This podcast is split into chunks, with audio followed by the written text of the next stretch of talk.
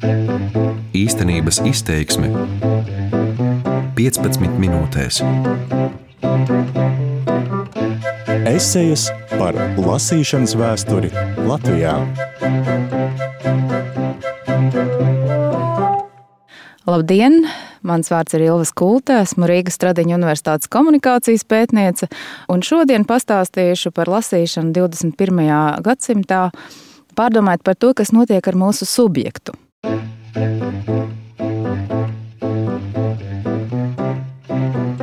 21. gadsimts patiesībā nulli tikai uzņēmis apgriezienus. Tādēļ galvenā īpatnība, kas jāņem vērā lasot vai aprakstot kādas noteiktas prakses, kā 21. gadsimta parādības, ir to potenciālais mainīgums. Mēs kā aprakstam procesu no iekšpuses. To izmaiņu procesu, ko lasīšanas praksē ienes tehnoloģiskā attīstība, citiem vārdiem sakot, lasām tekstu dematerializācija, digitizācija, jaunu ierīču iesaistīšana, to glabāšanā, izplatīšanā un pasniegšanā lasītājiem un kultūras digitalizācija kopumā, kas kā fons lasīšanai piešķir jaunas vietas, lomas un funkcijas, pie reizes koriģējot ierastās. Lai arī izmaiņas šķiet drastiskas, izpētē nav cita ceļa kā lēni, pārdomāti un kritiski sekot notikumu attīstībai, tā skaitā piedāvājot jaunus veidus un noskaidrojot vārdus, kā par lasīšanu runāt. Šobrīd, 2019. gadā, joprojām ir sajūta, ka lasīšanā mainās viss, izņemot alfa alfabētisko kodu, bet mēs tajā meklējam ierasto. 2007. gadā divi slaveni bibliofili, itāļu rakstnieks un kultūras pētnieks Umberto Eko un franču rakstnieks un kinorežisors Žants Klods Karjers, publicēja jauku sarunu par šīm tēmām grāmatā ar mundru nosaukumu Neceriet atbrīvoties no grāmatām. Tajā bez argumentiem par labu grāmatas noturīgumam mūsdienu kultūrā, Eko, piemēram, atzīmēja arī, ka internets patiesībā ir izglābis lasīšanu un grāmatas. Digitālā kultūra paredz, ka bez lasīšanas, dažādām dzīves vajadzībām, nevar iztikt neviens. Mēs rakstām un lasām pat tajās komunikācijas situācijās, kurās iepriekš to nedarījām. Ja ievērojam, cik daudzveidīga mūsdienās ir lasīšana, redzam, ka lasām arī analogajos medijos visai negaidītās situācijās, bet digitālajiem mēdījiem nevien paši ir tekstu nesēji, bet arī ērti un pieejami rīki dažādu analogu nesēju testu sagatavošanā. Lasīšana noteiktā veidā saistītā lapušu kopumā šobrīd transformējas par lasīšanu visai kompleksās vidēs. Lasāmais objekts. Grāmatu kultūra mūsdienās paliek arvien vairāk atkarīga pirmkārt no aparātiem, otrkārt no programmām, treškārt no specifiskiem satura formātiem un ceturkārt no izplatīšanas platformām. Grāmatas teksts pats par sevi jāpadara atbilstoši prasībām un iespējām, ko piedāvā multimodālās komunikācijas ceļi, interaktivitāte un ieniršana virtuālajā realitātē. Šie faktori liek domāt par grāmatu savādāk, vairāk kā par procesu, nevis objektu. Īpatnējas pārmaiņas skar tekstu autorību. Katrā ziņā neviens vairs nebrīnās arī par tekstiem, kuru autors ir kolektīvs un kuru tapšanai var sekot līdzi reālā laikā. Šī pati kolektivitāte raksturīga arī lasīšanai. Sociālos mēdījos momentāni reaģējot uz izlasīto, komentējot, diskutējot un rakstot un lasot citu sarakstītos turpinājumus. Piemērs ir Harija Potera romānu sērijas inspirētā bērnu un jauniešu literārā kustība, kuras būtību nodrošina interneta portāli, sociālai mēdīji un blogi. Atsevišķa tēma šeit varētu būt arī daļliteratūra. Ne tikai tādēļ, ka digitalizācija un internets pilnībā izmaina arī literatūras radīšanas, izdošanas un pārdošanas apstākļus. Tas ir veidus, kā lasītājs nokļūst pie lasāmā teksta. Nevien tādēļ, ka lietoto ierīču dēļ ienāk jauni literāri žanri, kā Japāņu mobilā telefona romāni vai hipertekstuālā proza, kas pilnībā izmaina lasīšanas pieredzi laikā un telpā. Estētiskam baudījumam priori paredzētu tekstu radīšana ar tiem raksturīgo uztveres jūtīgumu un apziņas mobilizāciju ir arī perfekts spēles lauks jaunu lasīšanas veidu pētīšanai. Lasošais subjekts. Būdama dažādos laikos un kultūrās tik ļoti atšķirīga parādība, lasīšana tomēr vienmēr iekļāvusi dialektisku miedarbību starp tekstu un lasītāju. No lasītāja tas prasa nevien tīri tehnisku burtu un vārdu atpazīšanas spēju, bet arī dažādu psiholoģisko mehānismu mobilizāciju, piemēram, empātiju, atcerēšanos, iztēli. Tādējādi lasīšanas procesā ne tikai kļūst saprotama teksta jēga un nozīme, bet arī mainās pats lasītājs vai lasītāja. Lasīšana internetā un digitālā vidē savulaik tika apsveikta kā jauns lasīšanas veids, kas ļauj izvairīties no specifiskiem vietas un laika nosacījumiem. Tomēr, kad digitāli atbalstīta lasīšana ienāk mūsu ikdienā, nemanāmi, bet iespējams neatgriezeniski, mainās mūsu tradicionālajie lasāmvēlas pasliekšanas, izplatīšanas un uzglabāšanas veidi. To forma ir cita, organizācijas sistēma un process pātrinās, bet lasītāja individualitāte kas formējas un pārformējas lasīšanas procesā, iegūst jaunu ceļotāja jeb nomada iezīmi. Kādreiz rakstība padarīja iespējamu ziņu un ideju precīzu izplatīšanos plašākā teritorijā un racionālu, secīgu, argumentētu izteikšanās un domāšanas veidu. Arī drukātās grāmatas ienākšanai raksturīga jauna kultūras sistēma, kas iekļāva gan materiālus un to sagatavošanu, gan institūcijas, prakses, simbolus un žanrus bet arī jaunos tekstos balstītu domāšanas veidu. Tieši šī drukāto grāmatu lasīšanas pieredze iespējams atbildīga par tādu konceptu formulēšanu kā indivīds, subjekts vai patība. Kā lasām 21. gadsimtā? Lai saprastu, kā šīs izmaiņas notiek, uzmanīgi un iejūtīgi būtu jāpēta lasīšana ikdienas dzīvē, parastie lasīšanas paradumi. Pagājušā gadā Rīgas Stradiņa universitātes studenti trīs nedēļu garumā dienas grāmatās pierakstīja savus un citu ikdienas lasīšanas paradumus un nonāca lūk pie kādiem secinājumiem. Pirmkārt, Pārsteidzoši droši vien ir secinājums, ka cilvēki, it sevišķi vecumā līdz 65 gadiem, bet, ja redz atļauju vai intereses lieka, visai aktīvi arī pēc tam, lasa daudz vairāk nekā šķietam liekas.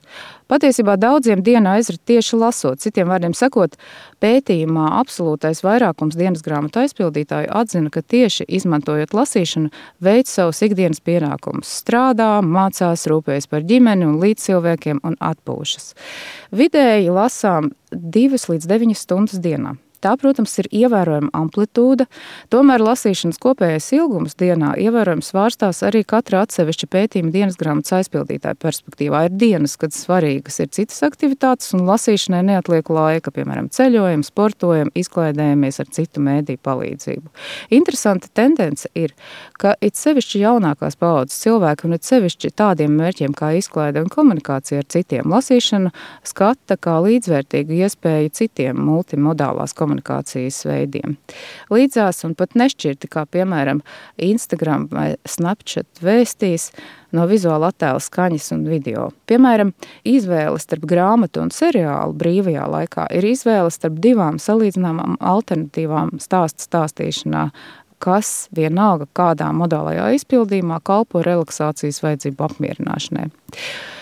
Otrkārt, uzreiz jāatzīmē, ka grāmatas un drukātie mēdīji kopējā lasīšanas apjomā parādās ļoti nenozīmīgā daudzumā, neregulāri un saistībā ar individuāliem paradumiem. Daudzi, vairāk sievietes par retam pašķirsta kādu žurnālu, veltot tam relatīvi īsu laiku, visbiežāk 15-30 minūtes, bet arī izlasot kādu garāku rakstu vai interviju.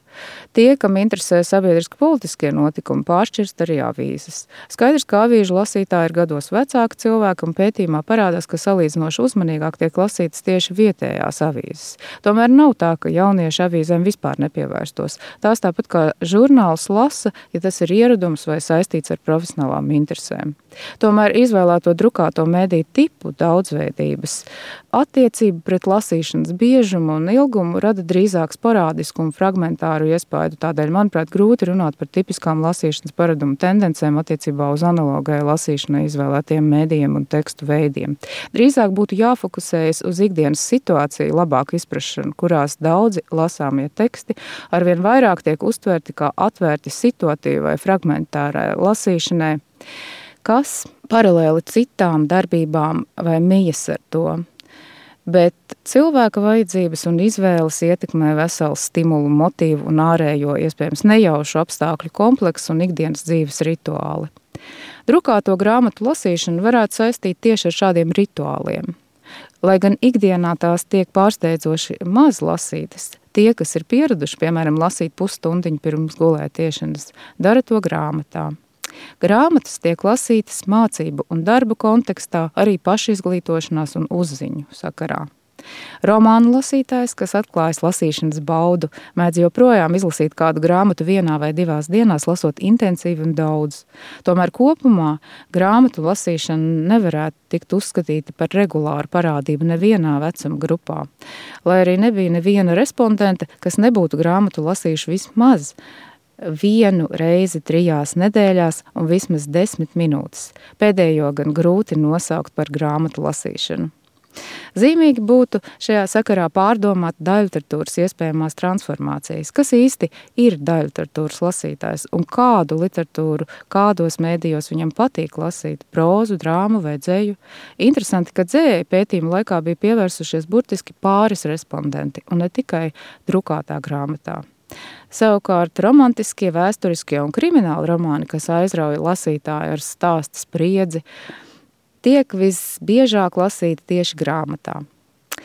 Estētiskais baudījums vai gaume neliekas svarīgi kritēriji. Drīzāk lomu spēlē subkultūrālā piederība vai profesionālā interese. Jaunie cilvēki nevairās arī daļliteratūru lasīt angļu valodā. Šo pēdējo iemeslu dēļ, manuprāt, izdevējiem būtu iemesls vairāk domāt par oriģinālu literatūras un tās izplatīšanas ar jauniem mēdījiem saistītajām formām, interaktivitātes iespējām, starpmēdīju un pārmēdīju, jeb transmēdīju stāstīšanas praksēm. Treškārt, skaidrs, ka lasīšana 21. gadsimtā ievērojami vairāk norisinās digitālā formātā.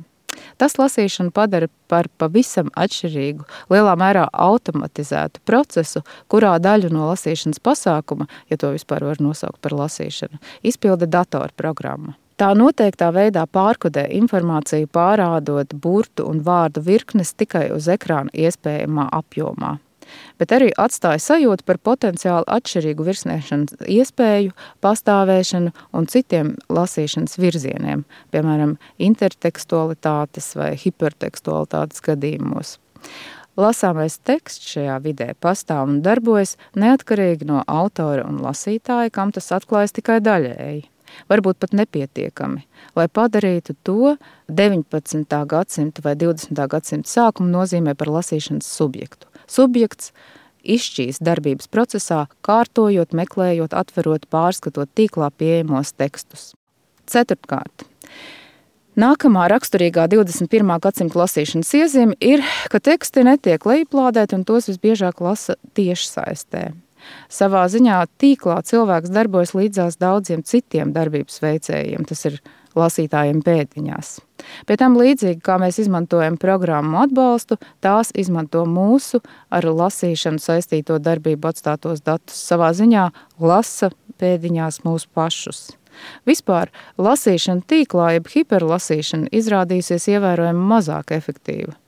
Jo ar lasīšanu saprot ne tikai informācijas uztveri, bet arī izpratni, zināšanas un pieredzi. Šis jautājums ir mājaslapu dizaineru uh, lasīšanas pētnieku, psihologu un neirozinātnieku intereses degpunktā. Lasīšanas procesā iesaistītā atmiņa, lasot, apstrādā daudz lielāku daudzumu datu, noslogotā īstermiņa atmiņa paralizē arī ilgtermiņa atmiņas darbu. Piektkārt, neskatoties uz ierīču piedāvājumu daudzveidību, salīdzinoši reti tiek lasīšanai lietotas planšetes vai e-lasītāji. Biežāk digitālais lasāmais tiek atvērts datorā vai vietālrunī, un sastatot šo atziņu ar drukāto mēdīju lasīšanas relatīvi nelielo īpatsvaru, to varētu traktēt tā, ka lasīšanai visbiežāk vairs obligāti nevajag tai īpaši paredzētu objektu - avīzu, žurnālu, grāmatu vai e-lasīšanas ierīci. Sestais un pēdējais novērojums ir, ka sasaucas arī ar pēdējiem citu pētnieku iegūtajiem rezultātiem. Lasīšanas paradumi ir ļoti heterogēni. Tie ļoti atšķiras atkarībā no nodarbošanās, dzīves stila un ikdienas paradumiem. Pie tam tie noteiktā veidā gan ātri un pastāvīgi mainās līdz mēdījiem, programmām, formātu un dizaina īpatnībām, gan arī tendēti uz saglabāšanos un nemainīgumu, institūciju, biblioteku, skolu un valsts iestāžu un rituālu veidā. Tā nu runājot par 21. gadsimta lasīšanu, uzmanības fokus pamazām kļūst ekoloģiski orientēts. Būtu labāk jāizprot vide, kurā lasīšana notiek, kad lasītājs meklē un atrod, vai arī kad viņa redzes laukā parādās teksts. Šī vide jāskata tik labi sociokulturāli sakārtota, kā mēdī dažādo piedāvājumu piesātināta un dažādu individuālo vajadzību caurstrāvota. Visiem šiem faktoriem iedarbojoties, mainās kā lasīšana, tā arī lasītājs pats. Daļa no šīs vides saspēlē ar šo vidi, jūtīgi uztverot un reaģējot uz izmaiņām tajā.